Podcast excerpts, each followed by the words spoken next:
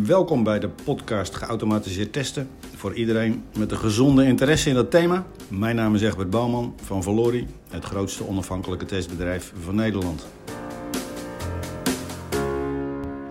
Leuk dat je luistert naar deze twaalfde aflevering. De vorige drie keer was ik niet alleen en de volgende keer ook niet, denk ik. Maar nu weer eens wel. Deze aflevering wil ik gewoon eens rustig op een rijtje zetten wat er allemaal komt kijken bij het selecteren en vooral het implementeren van een tool voor geautomatiseerd testen. Opnieuw weer als luisterboek in podcastvorm dus, zoals collega Bob van Zeist het terecht betitelt. Geen discussies en meningen, maar gewoon breed gedragen inzichten en gerijpte good practices. Om te beginnen een veelgestelde vraag.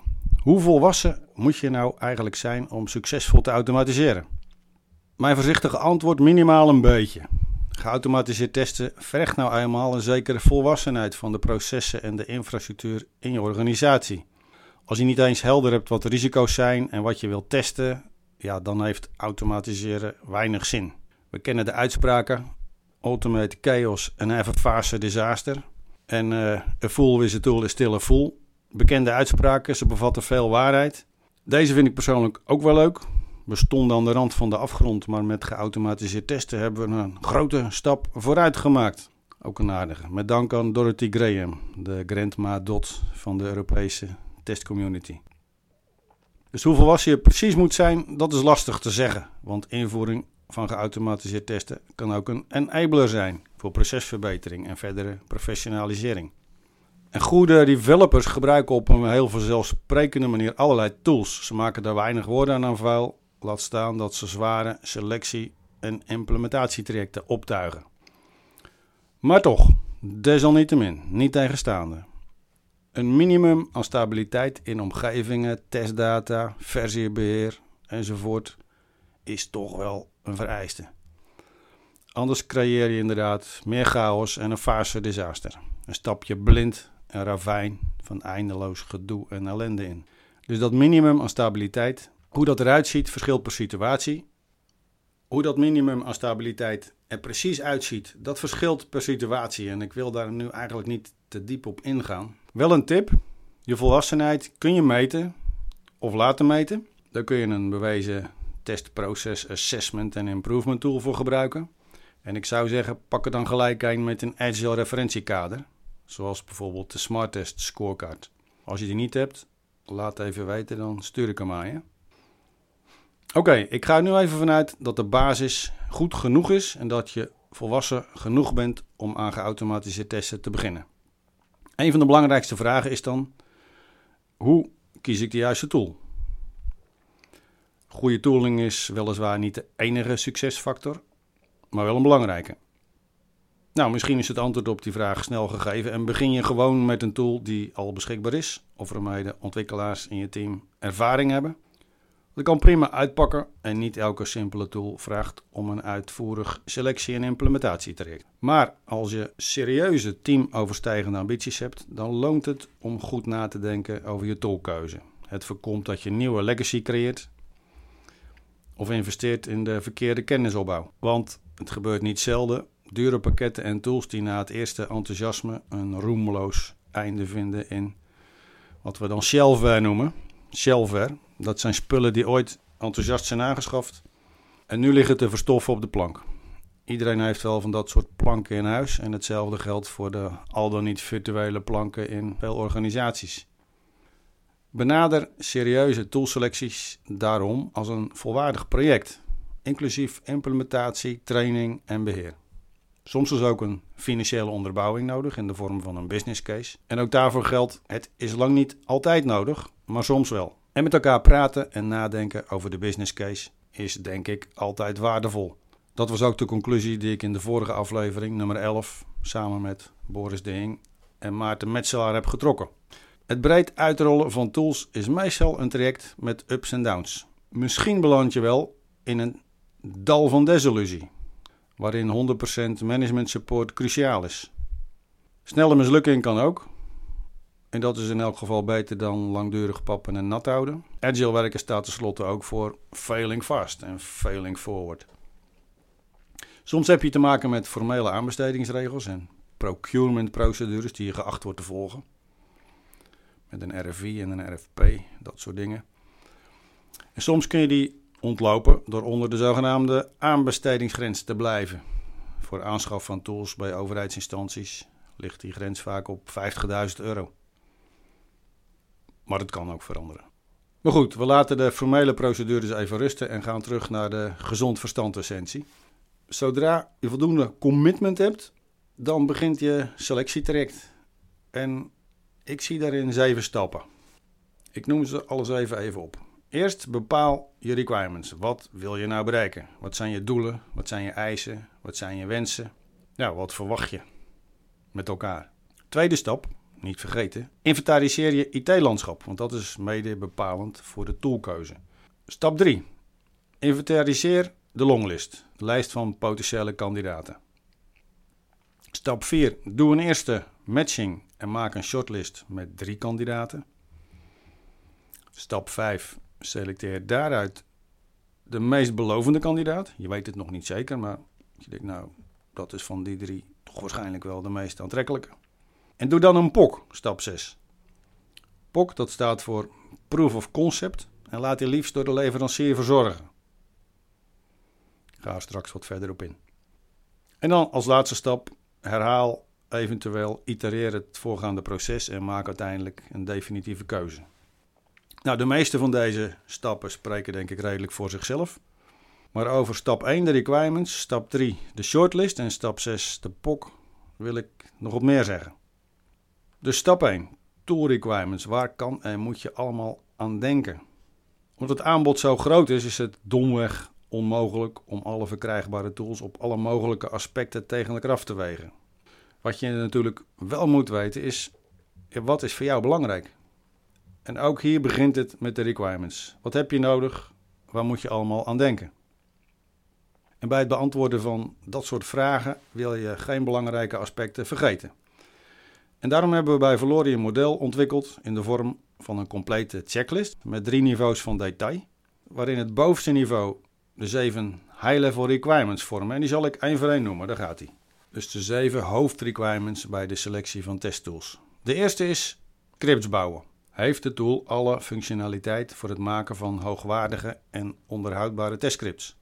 Kan die misschien testen genereren vanuit modellen of met uh, kunstmatige intelligentie? Hiervoor zou je ook nog eens kunnen luisteren naar aflevering 5, de vier manieren om scripts te bouwen. En misschien naar aflevering 9 met Bob van Zeist over Sapiens van Facebook. De tool die dus inderdaad testgevallen genereert met AI. Tweede hoofdrequirement, de interactie met het testobject. Werkt de tool goed samen met mijn applicatie of applicaties en praat hij goed met het testobject? Is de herkenning en de synchronisatie oké? Hiervoor kun je nog even luisteren naar aflevering 2. Hoe praat de tool met mijn applicatie? Komt de derde, testuitvoering en testmanagement. Kan ik mijn testruns goed organiseren, plannen, uitvoeren en zijn de rapportages, is de output compleet en begrijpelijk? Want het processen van de output van tools kan tijdrovend zijn. Dat was drie. Nummer vier, beheer en integratie. Past de tool in mijn IT-landschap, in mijn beheerproces, in mijn organisatie? Hoe is dan ook de integratie met wellicht al in huis zijnde tools voor bevindingenbeheer, zoals bijvoorbeeld eh, die van Microsoft, de Azure DevOps toolsuite, of die van Atlassian, Jira, Bitbucket, Bamboo. Dan de vijfde. Hoe zit het met de leverancier en in geval van open source de community? Is de leverancier betrouwbaar? Hoe is de support? Is er een actieve gebruikersgroep? Of in geval van open source, is er een actieve community met betrokken ontwikkelaars? De zesde, prijs. Geld speelt altijd een rol natuurlijk, dus de prijs. Is er een flexibel licentiemodel, ook bij opschalen in de toekomst? En dan de zevende, als laatste, kijken we naar de brede inzetbaarheid. Kan ik de tool gebruiken voor meerdere applicaties en of standaardpakketten in mijn landschap?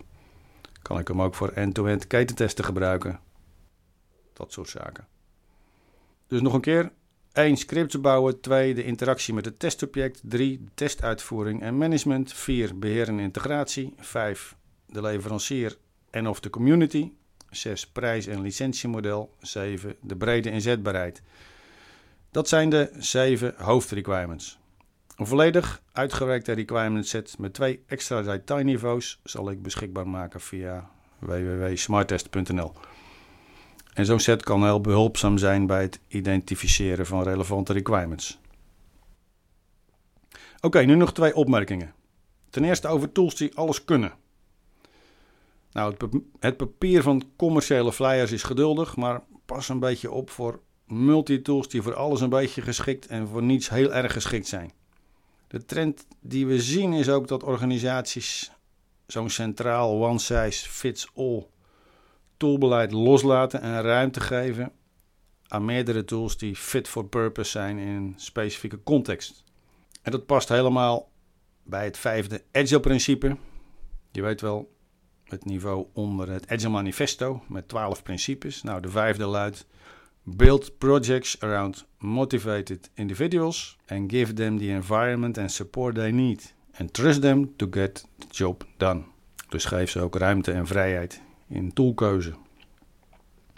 En dat brengt me gelijk op de tweede opmerking. In veel gevallen zul je, zul je ontdekken dat één tool niet voldoende is. En wil je verschillende tools in combinatie inzetten. Bijvoorbeeld SpecFlow met Protractor of Selenium met SoapUI. En ga zo maar door.